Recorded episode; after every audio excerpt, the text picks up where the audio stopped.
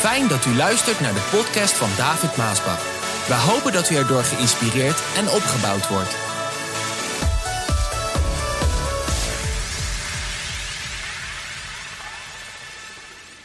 Op een zekere dag komt er een kerkleider bij Jezus, een belangrijke kerkleider.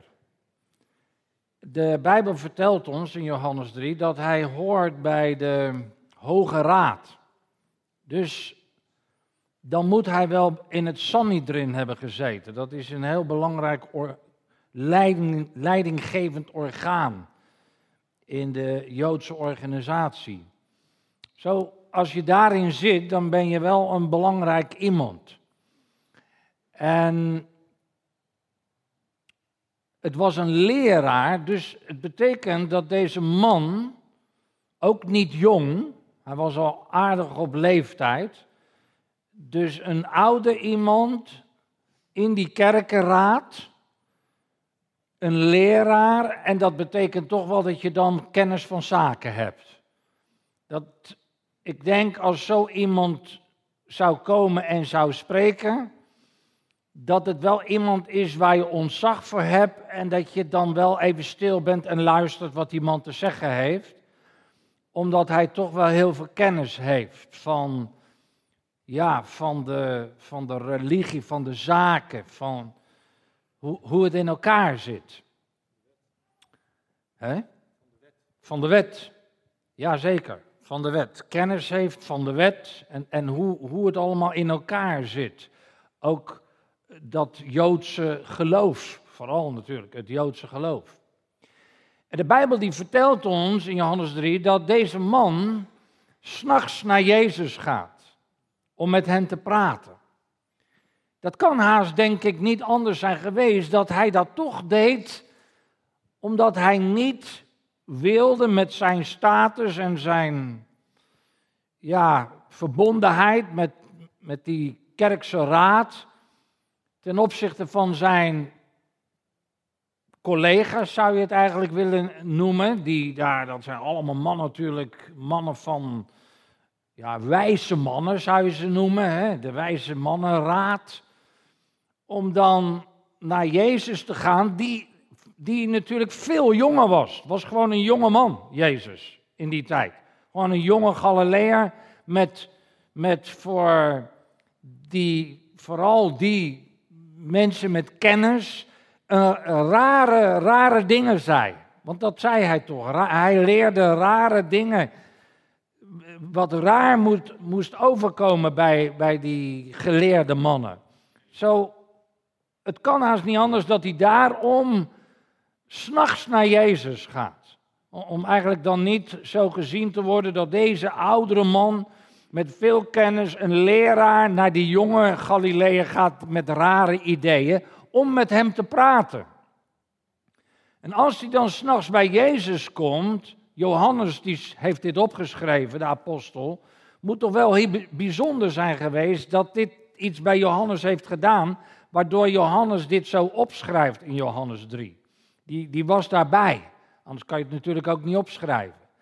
En dan komt Nicodemus, want zo heette die man, komt dan bij Jezus. En het eerste wat Nicodemus zegt is dat hij hem een, heel bijzonder iemand vond. Niet alleen maar een leraar, nou het is al wat als zo'n man jouw leraar noemt. Maar dan ook nog eens een keer een leraar van God gezonden want, zegt Nicodemus, de dingen die u doet, die tekenen, die dingen die u doet, kan niet zomaar een mens doen. Dat moet iemand zijn die van God komt. Vind ik heel wat. Als zo iemand dat van jou zegt. Kijk, het is één ding als een zwerver van, de straat tegen jou iets zegt, of dat zo'n man tegen jou praat en zoiets zegt en jou erkent als dus een bijzonder leraar van God gekomen. Nou, het mooie ervan is, vind ik, terwijl Nicodemus dan dit zegt,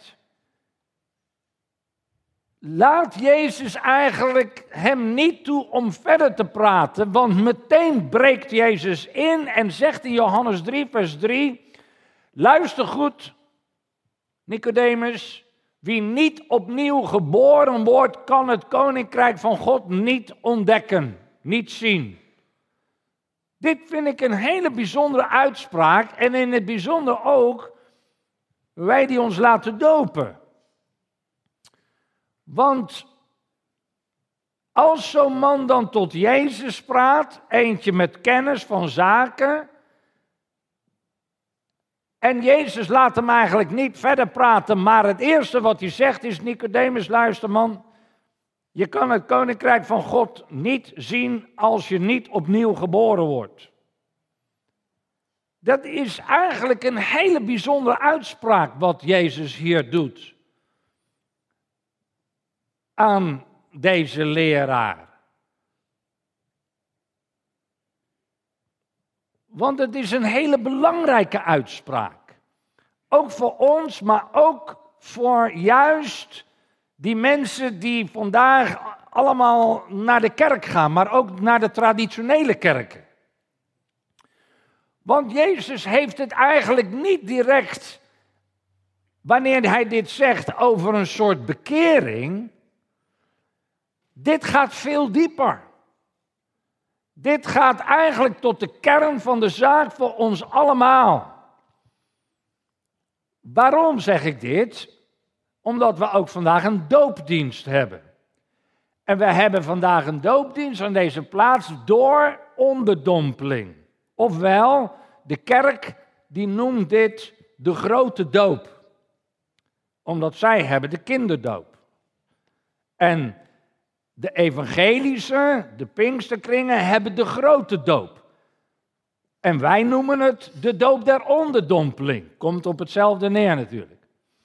Maar het is heel belangrijk dat christenen deze boodschap ook zullen horen, natuurlijk de wereld ook. Maar christenen, dat een christen, dat woordje niet, en trouwens dat is ook goed dat ik dat tegen jullie zeg, een christen word je niet door je te laten dopen. Ofwel een kind van God, een christen, word je niet door je te laten dopen. Er zijn mensen, nou laat ik het even eh, nog wat vrijmoediger zeggen. De traditionele kerk die in de kinderdoop geloven, die geloven dat je door de kinderdoop zegel des verbonds krijgt en daardoor, dat je daardoor de hemel kan binnengaan. Maar de Bijbel leert ons juist door deze uitspraak dat dat niet zo is. En dit is belangrijk trouwens, als we het over de kinderdoop hebben. Nou, noem mij nou niet gelijk een ketter, want ik weet wel als ik natuurlijk iets zeg over de kinderdoop, en vooral tegen de, traditionele christenen in de kerk, ja, dan voor hun schop ik tegen hun schenen aan, omdat het is natuurlijk een heel belangrijk item in de traditionele kerk, de kinderdoop. Maar het spijt mij als ik gewoon het moet zeggen zoals het is, en dat ben u wel gewend. Ik lees helemaal niks over de kinderdoop in de Bijbel. Schrijf mij, kom bij mij, als je mij iets kunt laten lezen over de kinderdoop. Daar lees ik niets van in de Bijbel. Helemaal niets. Dat is iets wat door de mens zelf verzonnen is, in elkaar gezet is. Maar er zijn wel honderden miljoenen mensen die zich daaraan overgeven en daarin geloven. Maar ik zou zeggen, ga het zelf eens onderzoeken. Ga je Bijbel eens openleggen. Ik kan aan de andere kant wel vertellen over de doop der onderdompeling, want dat lees ik wel in de Bijbel. Zo, het is aan één kant dat men iets mij niet kan vertellen omdat het niet in de Bijbel staat, maar ik kan wel vertellen aangaande de doop der onderdompeling waarvan ik wel in de Bijbel lees. Hoe Jezus bij Johannes kwam om zich te laten dopen hoe die Moorman, die minister van Financiën, zich door Filippus liet dopen. En zo leer je in dat hele evangelie, de vier evangelieën en het boek van handelingen, lees je en leer je over de doop der onderdompeling. Dat is een bewijs waarvan ik kan lezen in de Bijbel en ik kan het u aantonen ook. Maar dit wat Jezus zegt gaat eigenlijk nog verder. Want Jezus zegt hier eigenlijk, je komt niet de hemel in, je, je, wordt geen christen door naar de kerk te gaan. Want dat is ook wat een heleboel mensen denken. Door naar de kerk te gaan, zijn ze een christen. Maar naar de kerk gaan maak je nog geen christen. Je kan je hele leven heel trouw naar de kerk gaan. Nee, laat ik het nog anders zeggen. Je kan elke dag naar de boer gaan en je hoofd door zo'n ding heen doen waar die koeien hun hoofd doorheen doen. En het hooi eten. En dat elke dag doen, maar dat maakt je nog geen koe. Nee, dat is logisch, zegt u, dat is waar. Maar zo is het ook met het christendom. Je wordt geen christen door alleen naar de kerk te gaan. Je wordt geen christen door je te laten dopen. Of door onderdompeling. Of zoals de traditionele kerk dat gelooft, door de besprenging van, kist, uh, van kinderen.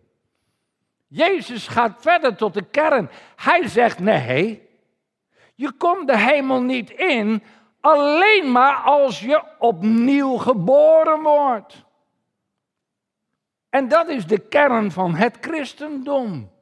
Dat is een boodschap die moeilijk te bevatten is voor veel christenen, maar zelfs ook voor veel predikanten en voorgangers binnen de traditionele kerken. Heel moeilijk om te begrijpen. Opnieuw geboren worden. Jezus heeft het niet over. Wanneer hij zegt opnieuw geboren worden, heeft hij het niet over dat je voor een tweede keer op dezelfde wijze geboren moet worden. Jezus heeft het over een nieuwe geboorte, een totaal nieuwe geboorte totaal nieuwe geboorte. Ik snap er niks van. Maar dat is juist het hele punt. Heel veel christenen en kerkleiders, ook vandaag, snappen er niks van. Net zoals Nicodemus. Want die snapten het ook niet. En dan gaat Jezus daarop door. Bij deze man. Vind ik wel mooi hoor. Dat Jezus s'nachts de tijd neemt om dit hele belangrijke die, die uitspraak om die uit te leggen. Waarom is dat nou zo belangrijk? Omdat die wedergeboorte, dat opnieuw geboren worden, waardoor je een christen wordt, waardoor je de hemel kan binnengaan, is geen optie. Het is niet een, het is niet een voorstel wat Jezus doet, het is een eis. Het eist van je dat je opnieuw geboren wordt als je de hemel wil binnengaan.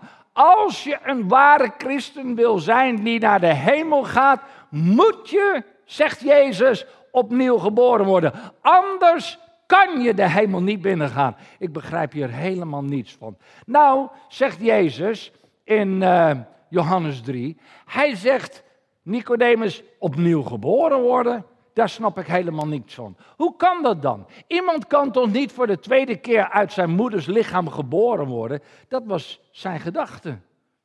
Hij snapte het niet. Dit is wat hij zegt, maar een heleboel die, die geven er misschien weer een andere uitleg aan van ik snap dat niet. Nou, en, en het is niet zo raar dat zelfs predikanten en leraars in de traditionele kerken dit ook niet snappen. Als hun het niet snappen, hoe moeten ze het dan het volk uitleggen dat de mensen in de kerk het snappen? Die snappen het ook niet. En hun kunnen het niet uit, zij kunnen het niet uitleggen. Nicodemus zegt, dat kan toch niet? En dan zegt Jezus, ja, maar toch is het zoals ik het zeg. Of je het nou begrijpt of niet, het is wel de waarheid.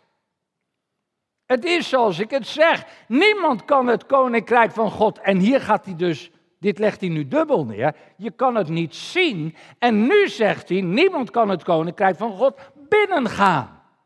Zo, je kan het niet zien, zegt Jezus, en je kan het niet binnengaan als hij, zij, niet geboren wordt uit water en geest. Uit mensen komt menselijk leven voor, maar uit de geest van God komt geestelijk leven voor. Jezus zegt, je begrijpt het misschien niet, maar het is een werk van de Heilige Geest. En je snapt niet hoe dat werkt en toch is het de waarheid. Je hoeft ook niet helemaal te snappen hoe, hoe het werkt. Als je maar gelooft dat het zo is, dat je opnieuw geboren moet worden. Het is dus helemaal niet zo vreemd dat ik zei dat jij, hij wordt nou persoonlijk u, dat jij, u, opnieuw geboren moet worden. Want de wedergeboorte is een heel persoonlijk iets. Elk, elk mens die een christen wil worden, elk mens die de hemel wil binnengaan, moet wederom geboren worden. Anders kan je het niet zien, anders kan je de hemel niet binnengaan. Ik begrijp hier helemaal niets van. Ja, maar het is niet zo vreemd wat ik zeg. Je, je, je, begrijpt het niet, maar het is niet raar dat ik dat zeg, zegt Jezus. Want het is een werk van de Heilige Geest. Een werk van de Heilige Geest. Ik snap er nog niks van. Zullen ook misschien kerkleiders vandaag zeggen. Met een boodschap als deze. Nou zegt Jezus, de wind waait toch ook waarheen hij wil. Je hoort hem wel, maar je weet niet waar hij vandaan komt en waar hij heen gaat. En zo is het ook met iemand die door de geest van God nieuw leven krijgt. Zo, Jezus zegt, luister, het is niet zo raar wat ik zeg. Je, je, je staat raar te kijken, je begrijpt er niks van. Je, je snapt een hele hoop van, van, van, van een hele hoop dingen, maar dit snap je niet. Maar het is niet zo raar. De wind, neem nou gewoon de wind. Dus Jezus geeft een heel makkelijk voorbeeld. Neem nou de wind. De wind die hoor je toch? De wind die voel je toch? Daarom zeg je, en geloof je in de wind. In de wind. Ja, de wind. Maar wie is dan de wind? Ja, weet ik van wie de wind is. De wind is de wind. Ja, maar hoe weet je dan dat de wind bestaat? Nou, je voelt hem toch? En als het dan waait, wat zeg je dan? Het waait, zeg, de wind waait. Ja, maar wie is dan de wind? Ik weet niet wie de wind is, ik weet niet waar de wind vandaan komt. Eén ding weet ik, het heet wind en het waait en het stormt en ik voel het en ik hoor het, zo de wind. Maar dat geloof je wel. Ja, natuurlijk geloof ik het. Ik zie het niet, maar ik geloof het wel, want ik voel het en ik zie het. Maar zo is het ook met de Heilige Geest. Zo is het ook met de wedergeboorte. Je, je ziet niet de geest Gods, je ziet niet hoe hij dat precies doet, maar je voelt hem. Je voelt de Heilige Geest. Je wordt anders. De doop verandert niet je leven. Het naar de kerk gaan verandert niet je leven. Er zijn mensen die gaan hun hele leven naar de kerk en veranderen nooit. Het is de wedergeboorte die je leven totaal verandert. Want je wordt uit God geboren. Er komt een nieuw leven, zegt Korinthe, in je. Totaal nieuw leven. Vanuit dat nieuwe leven ga je leven, ga je denken, ga je dingen wel doen, niet doen. Je hele doen en laten hangt van dat nieuwe leven af. Ik snap je helemaal niks van, zegt Nicodemus. Hoe gebeurt dat dan? Jezus antwoordde, nou, jij leert toch de Joden hoe zij met God en hun medemensen moeten leven? Je bent een leraar. En vandaag zou ik dat eigenlijk ook willen zeggen tegen al die predikanten en, en, en, en dominees in de traditionele kerken. Je bent een leraar. Je leert zoveel aan de mensen. Maar dit begrijp je niet. Je leert het, zegt Jezus tegen die leraar. Maar begrijp je dan niet wat ik zeg? Snap je het dan niet? Ik weet waarover ik spreek en vertel wat ik gezien heb en toch geloof je mij niet. Jezus zegt, luister, ik weet waar ik het over heb. Ik, ik, ik kom uit de hemel. Ik, ik weet wat dat goddelijke leven is. Maar als ik dan de waarheid zeg, dan geloof je me niet. En zo zijn er vandaag heel veel christenen in de kerken en predikanten en dominees die het niet geloven als een boodschap als deze komt en nog steeds gewoon al die mensen voorhouden. Nee, je moet de kinderen dopen en al die dingen meer. Een hele traditie. En je moet, uh, je moet uh, jong al en dan catechismus al die moeilijke termen en talen. Waar de meesten toch geen hout van snappen. En als je dan allemaal aan die protocollen voldoet. Dan ben je een goed christen. Dan ga je naar de hemel. Maar zo is het niet. Het is echt niet zo. Nee, David, is het niet zo? Nee, je gelooft me niet als ik het zeg. Maar geloof dan wat Jezus zegt. Wat hij in de Bijbel, ik zuig het niet uit mijn duim. Ik zeg wat in de Bijbel eh, staat. Dat Jezus zegt, luister. Je kan doen allemaal wat je wil. Dat brengt je niet in de hemel. Zelfs de doop niet. Want de doop is, een, is het geven van een goed getuigenis, van een goed geweten. Dat is wat jullie vandaag doen. Maar jullie zijn al opnieuw geboren doordat je Jezus hebt aangenomen als je redder en verlosser. Heeft de Heer je alle zonden vergeven. Ben je een kind van God geworden, ben je opnieuw geboren geworden. En om daaraan getuigenis te geven dat je dat gelooft, dat je Jezus wil volgen en niet je eigen leven, laat je je dopen door onderdompeling, waardoor, ja, nou wordt het misschien dan te moeilijk voor sommigen, waardoor je sterft en opstaat. En dat is de hele symbolische betekenis van de doop. Je wordt gedoopt in de dood en opstanding van Jezus Christus. Je laat je oude leven achter. En je gaat door met dat nieuwe leven wat in jou is gekomen, waar Jezus over spreekt, dat opnieuw geboren worden. Daarom heb je je laten dopen. Door onderdompeling. Als een openbare beleidenis. Dat je niet meer je eigen leven wil leven, maar dat nieuwe leven wat in je is gekomen, wat God je heeft gegeven. Want dat nieuwe leven kan niet groeien, bloeien en opkomen als het oude leven niet sterft. Kijk, en dit brengt natuurlijk frictie bij heel veel kinderen Gods. Omdat dat oude leven naast dat nieuwe leven nog zo sterk is in sommige christenlevens. Maar dat oude leven moet helemaal sterven om het nieuwe leven de gelegenheid te geven om te groeien, te bloeien en om te regeren. En daarom moet je dat oude leven laten afsterven en doodhouden. En dat nieuwe leven geeft je alle gelegenheid. En daardoor ga je anders denken. En door dat anders gaan denken, ga je andere besluiten maken. Ga je anders leven. Ga je anders praten. Ga je anders doen en laten.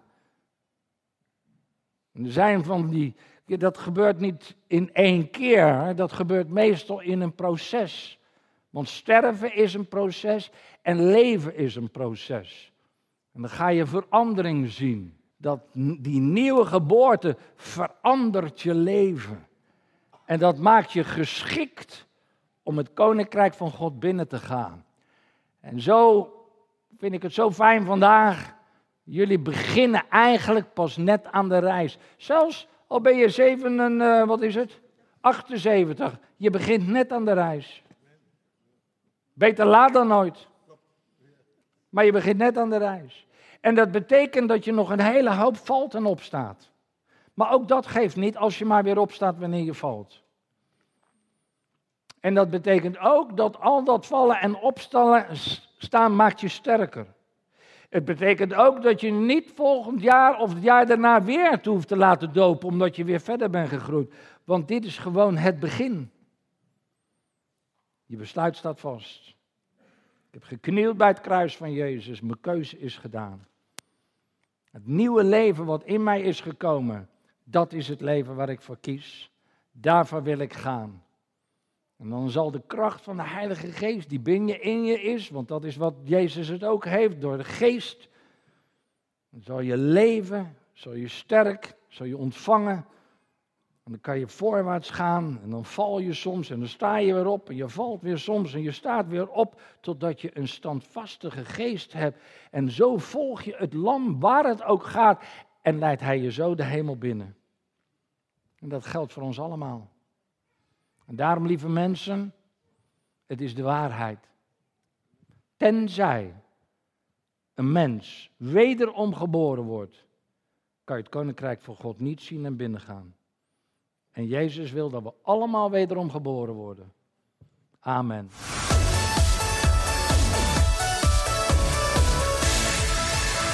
Bedankt voor het luisteren naar deze podcast. Wilt u meer preken beluisteren? Ga dan naar message.maasbachradio.com. Bezoek ook eens onze website www.maasbach.nl.